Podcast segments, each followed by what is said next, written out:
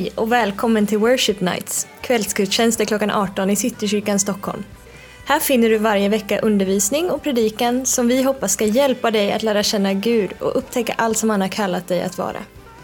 Mer information om vår kyrka hittar du på cks.se.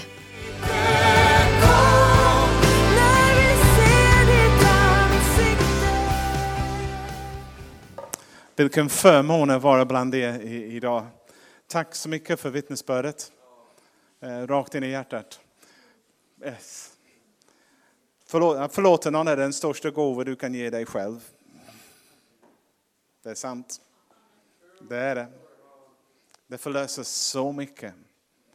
vi är inte skapade att eh, ha oförsoning i oss. Och om vi försöker göra det, då dör vi inifrån. Och hatet börjar regera istället för kärlek. Eh, och lovsången Tack Eva. Gå rakt in i hjärtat. Andrew heter jag. Jag är en av pastorer här i församlingen. Och eh, jag tänkte predika idag över påsk. Och jag kan säga, men det är påsken, men det var två veckor sedan. Har ni missat något? Nej, jag har inte missat något. Det är bara att vi i denna församling firade vår 80-årsdag samtidigt som det var påsk. Och vi missade påsk. Lite. Vi gjorde avkall på det på något sätt. Och ja, ärligt sagt, jag kan inte göra avkall på påsk. Även om det var en väldigt bra ämne att fira 80 år av, av Guds trofasthet. Ändå, någonting ligger i påskbudskap som är den viktigaste budskap som kyrkan någonsin kan predika. Och det är så här att jag är en gammal predikan som har varit igång alldeles för många år. Och, och varje år förbereder jag mig en påskpredikan. Och jag vill predika av mig den. så, jag, så jag kan gå vidare. Det är vad jag vill göra. Så, så eh, jag hoppas att det är okej. Okay. För jag tror faktiskt postbudskap är lika aktuellt idag som det var för två veckor sedan eller tre veckor sedan. Okej? Okay? Jag kommer att läsa från en posttext, och det är från Johannes kapitel 20. Jag kommer att läsa en ganska lång stycke faktiskt. Och rubriken på min bibel, folkbibeln, är Den tomma graven. Tidigt den första veckodagen, medan det ännu var mörkt, kom Maria Magdalena ut till graven och fick se att stenen var borta från graven. Hon sprang därifrån och kom till Simon Petrus och de andra lärjungarna, den som Jesus älskade, och sade till dem, de har tagit bort Herren från graven och vi vet inte var de har lagt honom. Då rusade Petrus och den andra lärjungen ut mot graven. Båda sprang på samma gång men den andra lärjungen sprang fortare än Petrus och kom först fram till graven. Han lutade sig in och såg linnebindlarna ligga där, men han gick inte in. Strax efter honom kom Simon Petrus. Han gick in i graven och såg också linnebindlarna ligga där och duken som hade täckt huvudet. Den låg inte tillsammans med bindlarna utan hopvikt på ett ställe för sig. Då gick även den andra lärjungen in, han som hade kommit fram till graven först. Och han såg och han trodde. Tidigare hade den nämligen inte förstått skriftens ord, att han måste uppstå från den döde. Därefter gick lärjungen hem igen. Men Maria stod utanför graven och grät. När hon gråtande lutade sig in i graven fick hon se två änglar i vita kläder sitta där Jesu kropp hade lagt, legat. Den ena vid huvudänden och den andra med fotänden. Då frågade henne, kvinna, varför gråter du? Hon svarade, de har tagit min herre och jag vet inte var de har lagt honom. När hon hade sagt det vände hon sig om och såg Jesus stå där. Men hon förstod inte att det var han. Och Jesus frågade henne, kvinna, varför gråter du? Vem söker du? Hon trodde att det var trädgårdsmästaren och sade till honom, Herre, om det är du som har burit bort honom, så säg var du har lagt honom, så att jag kan hämta honom. Jesus sade till henne, Maria. Då vände hon sig om och sade till honom på hebreiska, Rabuni, det betyder lärare. Jesus sade till henne, rör mig inte, för jag har inte stigit upp till Fadern än. Men gå till mina bröder och säg till dem att jag stiger upp till min far och er far, till min Gud och er Gud. Maria Magdalena gick då och berättade för lärjungarna att hon hade sett Herren och att han hade sagt detta till henne. Ska vi be. Herren, vi tackar dig för ditt ord. Jag tänkte be att du gör det levande, men du har, du har redan gjort det. Jag känner, känner i rummet din helige Andes närvaro. Du redan bearbetar texten i våra hjärtan. Och jag ber att du nu ska bränna det in i, vår, in i oss, var och en. Denna underbara budskap. Att du är inte död, utan att du lever. Tack levande Jesus, vi bjuder dig in i denna samling. Amen. Ja, det är en underbar text, eller hur? Eh, jag måste dricka lite.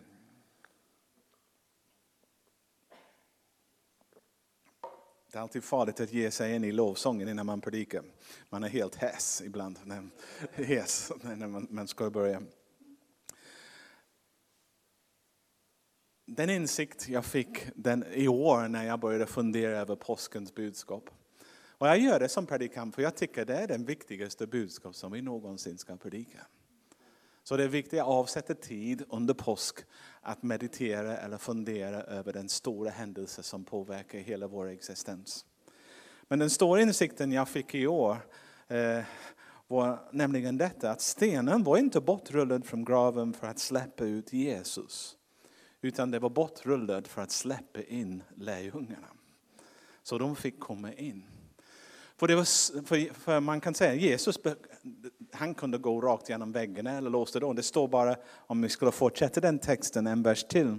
Det står på kvällen samma dag, den första veckodagen, var lärjungarna samlade bakom låsta dörrar av rädsla för judarna. Då kom Jesus och stod mitt ibland dem och sade frid med er. Jesus var inte begränsad av lås eller väggar eller stenar eller vad det än kunde vara. Han bara gick rakt igenom dem. Så, så det var inte för hans skull att stenen var bortrullad. Mer det var viktigt att de lärjungar som Jesus hade undervisat, han som att, de som han hade investerat sitt liv i, det var viktigt att de fick se att det som Jesus sa hade inträffat. Att det var sant, att Jesus hade uppstått. Det var superviktigt att de såg det med egna ögon. Och just denna texten som jag läser ifrån är skriven av Johannes. Och Johannes är den där som vi läste om, den som Jesus älskade, den andra lärjungen. Han beskriver sig själv i texten. Och det är så underbart att han var där, han såg, hans vittnesbörd är trovärdig. Och så är det väldigt viktigt att vi tar till oss det som han sa. Oh, så superviktigt. Eh, påsken är utan tvekan den viktigaste högtiden, i den kristna almanackan. Eh, för det är så här att om Jesus inte uppstod, då, är, då har vi ingenting att stå på. Då är synd inte besegrad, då är vi inte fri.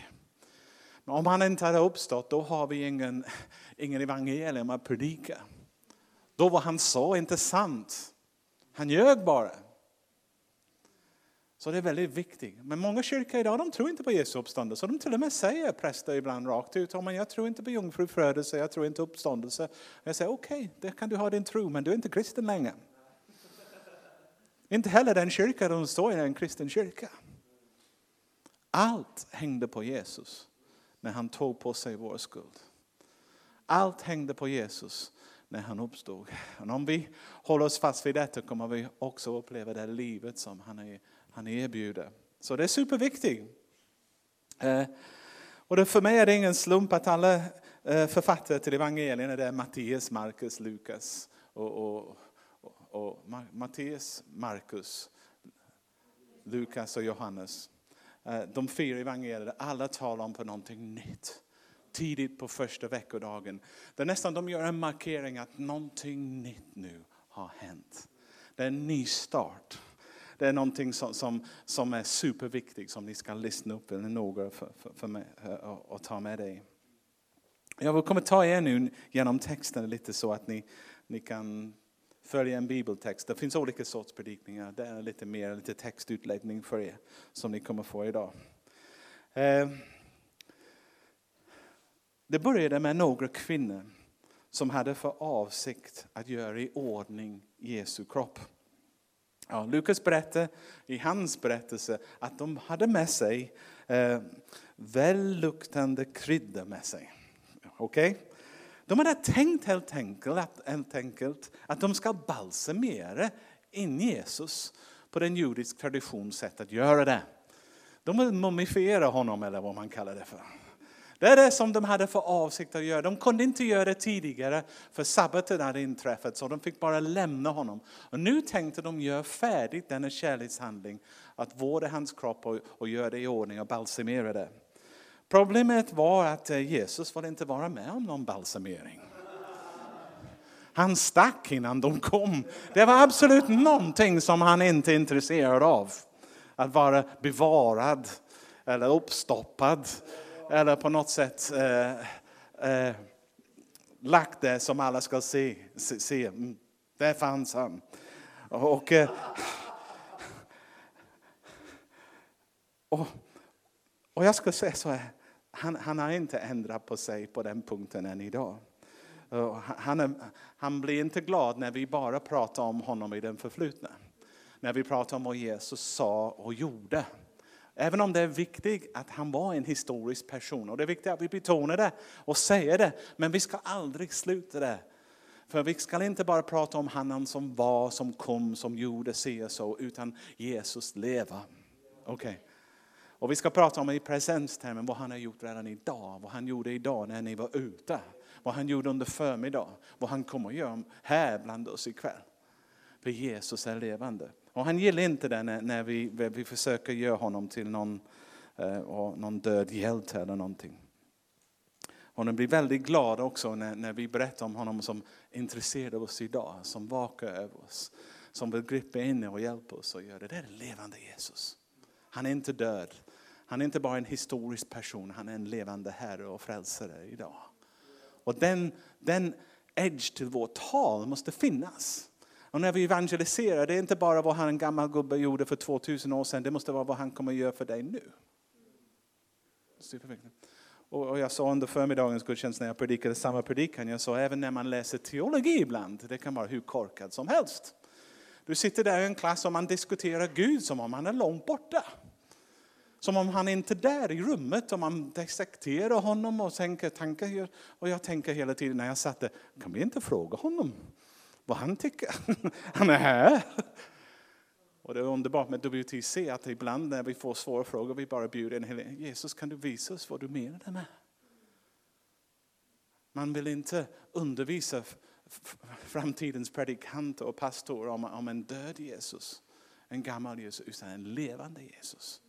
Och börja redan där, första stunden, bara lära oss ställa frågor till honom, för han finns med oss.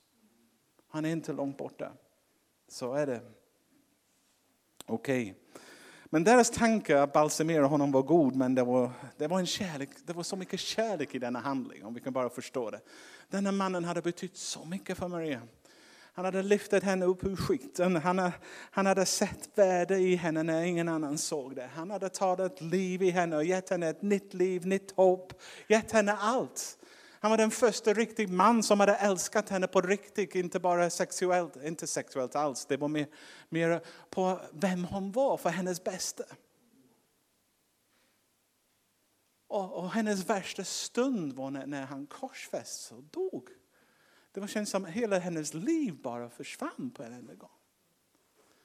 Och hon vill göra sin sista satsning, sin sista livskraftsverk var att bara göra ordning i hans kropp. Gör honom till en bra minne. Hennes handling var helt fel, för än så länge har hon inte fattat tillsammans med heller de andra lärjungarna vad, vad, vad skulle hända och vad, de har inte fattat att Jesus har sagt att han skulle uppstå. De hade inte hört det. Det står i texten vid grinningen, hon kom till, och jag kan tänka mig det är halvmörkt, det är inte precis ljuset än. Och han kan, hon kanske inte såg först att, att stenen var bortrullad. Det var bara när hon kom lite närmare att hon märkte, men hej, vad är detta? Stenen är inte där. Och sen hon kollar, vad är Jesus? Han är inte där. Och sen är det ren panik, vad de har gjort. De har stulit honom. De har tagit bort honom. Och hon springer iväg. Vem har tagit bort min herre från graven? Var hade de lagt honom? Hon sprang direkt till Simon Petrus som var ledare för lärjungarna och, och berättade för dem. Och det står att de sprang till graven också för att kolla. Eh, oh, jag älskar sättet som, som, som Johannes beskriver sig själv, den andra lärjungen. Det var han som var tydligen hade en viss kondis, för han sprang först. Och Petrus var tydligen en tjockis. Så han, han eh, nådde inte fram lika fort. Men, men Johannes, det finns någonting i Johannes, han, han var teologen i gruppen. Och det finns en liten eftertänksamhet i hans handling. Han kommer, och jag kan nästan tänka mig under tiden han springer, han funderar, han kommer ihåg det som Jesus hade sagt. Och börjar, det börjar snöra i hans gärningar, man hör kuggorna gå. Och sen han står där och han springer inte in. Det är en helig stund. Petrus han är fullständigt borta från det, han bara springer in. Han är impulsivt, bara går rakt in. Och de ser att bilderna och, och allt som är lagt på en viss sätt som visar att det är ingen kamp som har skett. De har lagt det ordningslagt eller någonting. På ett sätt som är lite omöjligt att göra när man har bindat upp i det de säger. Och det är underbart i texten att, att Johannes sen kom in och han fattade. Det var detta som Jesus menade. På tredje dagen ska jag uppstå. Och det står där i texten de underbara ord, han såg och han trodde. Han såg och han trodde. Han kom ihåg allt vad Jesus hade sagt och började pussla ihop de pusselbitar som du och jag eh, får fri nu. För de är nedskrivet så vi får dem. Men han får ihop det. Och det står i de andra texterna, i Lukas till exempel 24, vers 12, det står de lämnade graven fylld av beundran. Står det i texten. Fylld av beundran. Det var inte tvivel. Det var inte, åh hemska, det var, det, det var nästan som kuggarna. bara... Någonting stort är på gång. Någonting stort är på gång och de går. Nu, berättelsen, vi, vi går fortare. Maria från Magdala kommer tillbaka till graven igen. Och eh, tydligen hade hon också hunnit tänka en hel del. Nu var hon tyngd, inte denna gång med kryddor, utan denna gång med mängder frågor som hon vill ha svar på. Eh, och eh, det, det märker att de äter upp henne också. Jag kan tänka mig att hon var väldigt ledsen.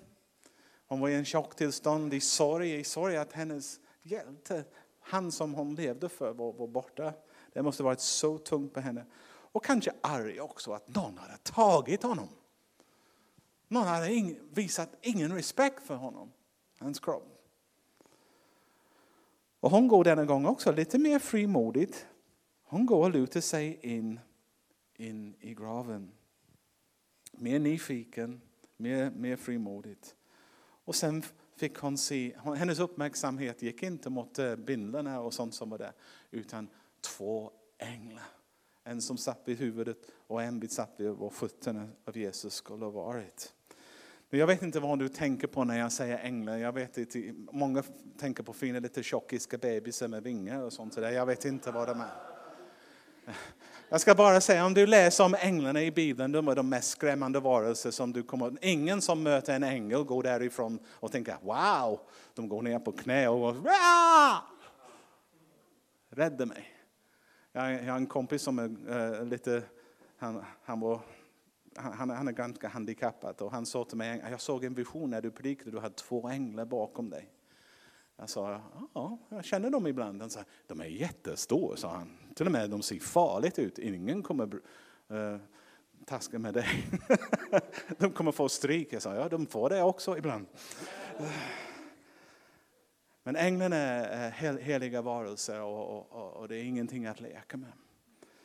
Uh och det beskrivs i de andra texterna också, himmelska varelser, två män i skinnande kläder, utseende som en blixt och sådär. Men änglarna tittade på Maria och frågade henne, kvinna, varför gråter du? För dem är det helt korkad. Du ska inte gråta, det är, det är en glädjestund, det är en fantastiskt som har hänt. Du behöver inte gråta. Det är, en, det är en fantastisk dag, det är en ny dag. Gråt inte. Tydligen var det inte någonting som hon förstod just för stunden. Hon svarade men jag gråter för att någon har tagit Jesu kropp. Hon började bandspela, och började gå upp igen som han hade fastnat i. Har ni gjort det någon gång? När bandspelet bara kommer igång hela tiden. Ni försöker trösta någon och de bara... Så var hon.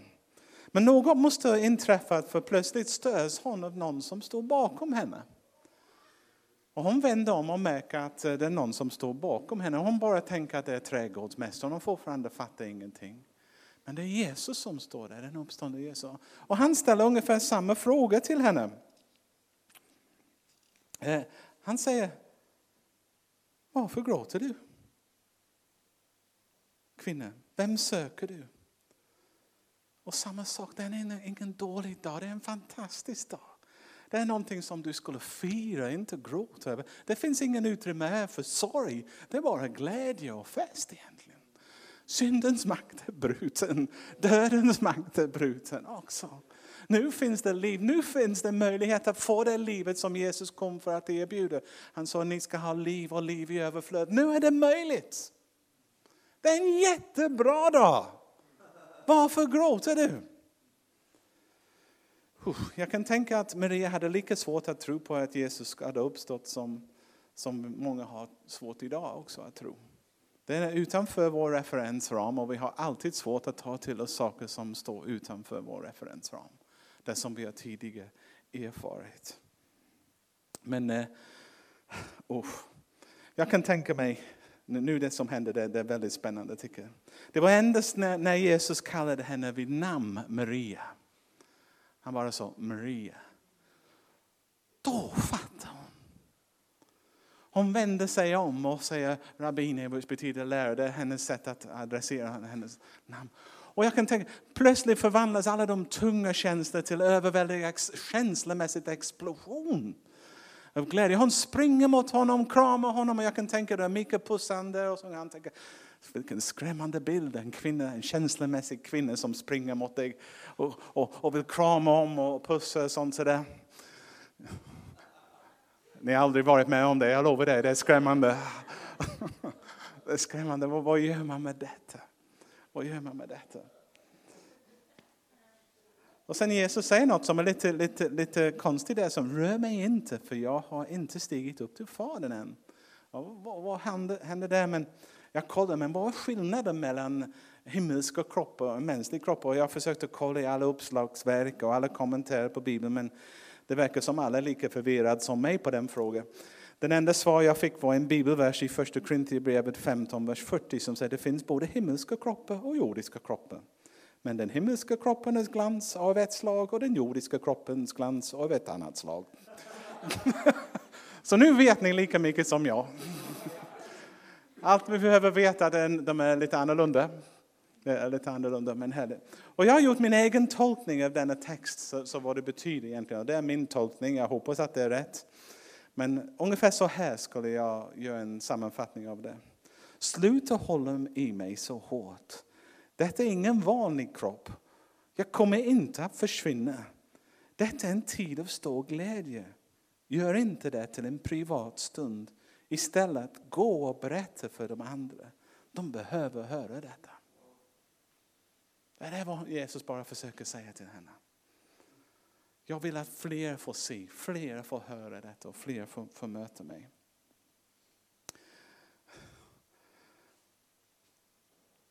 Fler måste höra att Jesus lever. Det är det som nyckeln till livet är. En möte med den levande Jesus. Jag avslutar med att säga att det är viktigt att vi beskriver honom som levande. Och jag kan inte betona tillräckligt mycket att kyrkan ska inte vara en museum där vi bevarar den gamla historien. En kyrka ska vara en mötesplats mellan den levande frälsare Jesus och de människor som kom in och bor. Det är vad kyrkan finns till för. Och Jesus vill möta dig. Han är här idag. Han har varit här från första stunden och ni har känt honom. Och han vill möta er. Han finns för att uppmuntra dig, för att hjälpa dig, för att säga, vad vill ni? Gör inte kyrkan till bara en minnesstund. Jag vet att olika traditioner har en kors med Jesus hängande på det som ser ut så lätt så. och lite blod och sånt. Sådär, sånt. I den protestantiska tradition vi har inte en Jesus på korset för han finns inte där. Och det är en väldigt viktig teologisk punkt. Vi förkunnar den uppståndne Jesus. Inte den korsfäste Jesus på det sättet. Betoningen ligger på att han har segrat över döden. Inte att han bara dog för oss. Och det är många som är jag var med faktiskt på flera predikningar och hört folk säga att oh, Jesus dör på kors. När du tittar på honom och ser på honom, tänk på att han förstår hur du har det, hur jobbigt du har. Identifiera med honom på det. Ja, det kan vi göra, men stanna inte där. Det finns mer. Jag var ärkebiskop för 12 år sedan. Jag hörde honom predika en predikan efter den tsunami. Och jag tänkte nu finns en utmärkt tillfälle att ge hopp och tröst till folket. Men den enda han säger, ja, om det gör ont, det betyder att du älskar dem som är borta. Tänk att Jesus led också. Jag tänker, kom igen nu! Det finns en uppståndelse. Det finns en Jesus som kan, han inte bara lider med er, han kommer ge er den glädje ni behöver. Han kommer lyfta er också. Och med er. Så viktigt att vi hamnar den i den delen. Påskdagen var ingen vanlig dag. Det var den absolut viktigaste dag i kristendoms historia. Det ger oss hopp och det ger oss en framtidstro. Och det ger oss också en underbar relation med Gud. Vi kan nu bli de människor som vi är skapade att vara. Tack vare det. Tack vare det. Och sen texten avslutar med, jag älskar ord faktiskt Paul.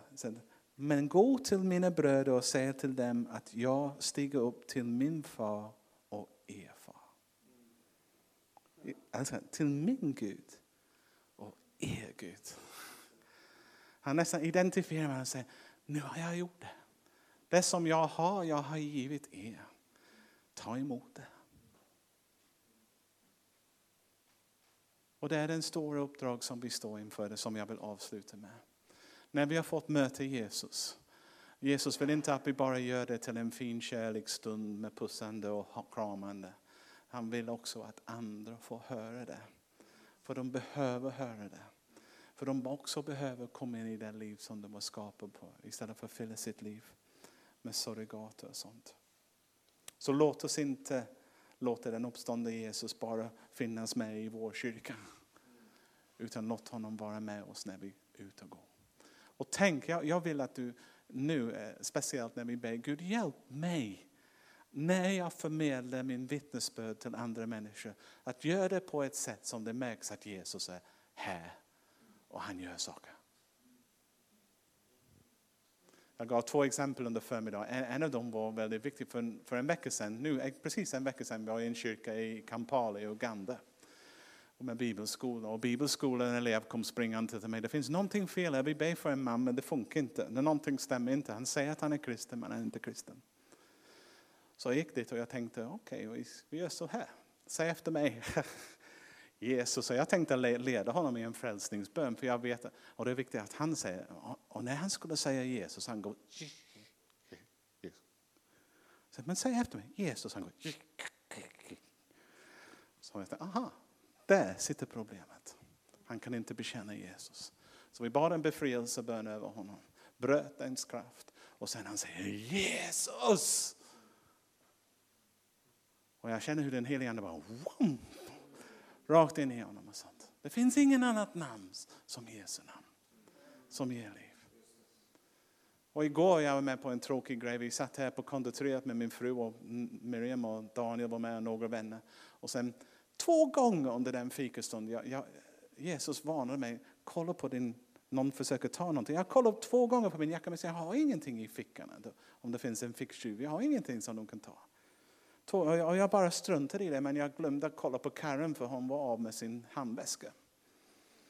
Någon hade stulit det. Jag tänkte, ah, oh, no. Så, eh, men Daniel är smart, han kollar på iPhone och säger men jag kan följa det här, spana det. Det är på väg ner Birger Jarlsgatan.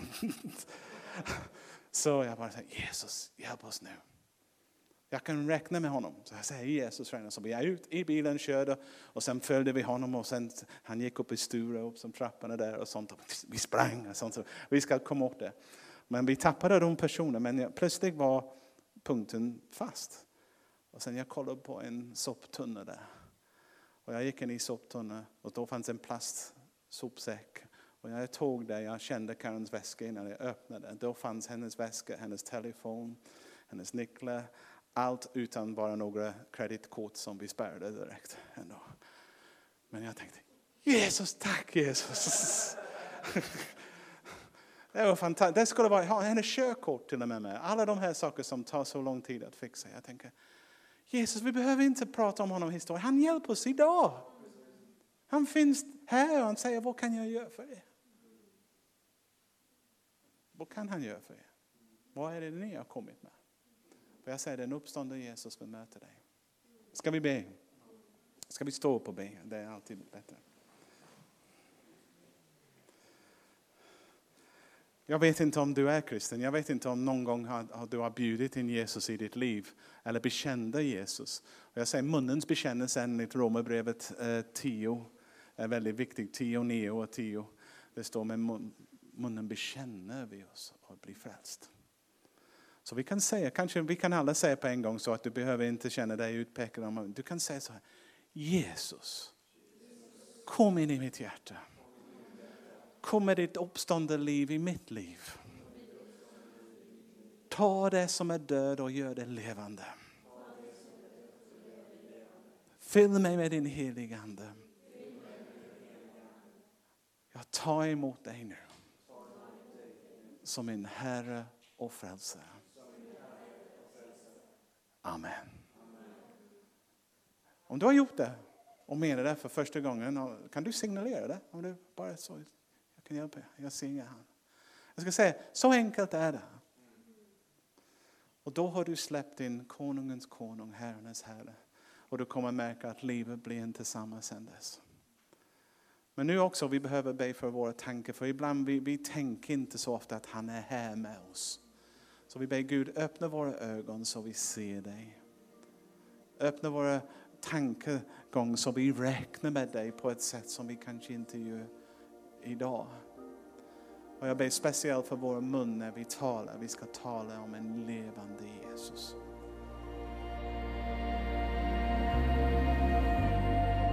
Tack för att du lyssnat på veckans predikan från Worship Nights.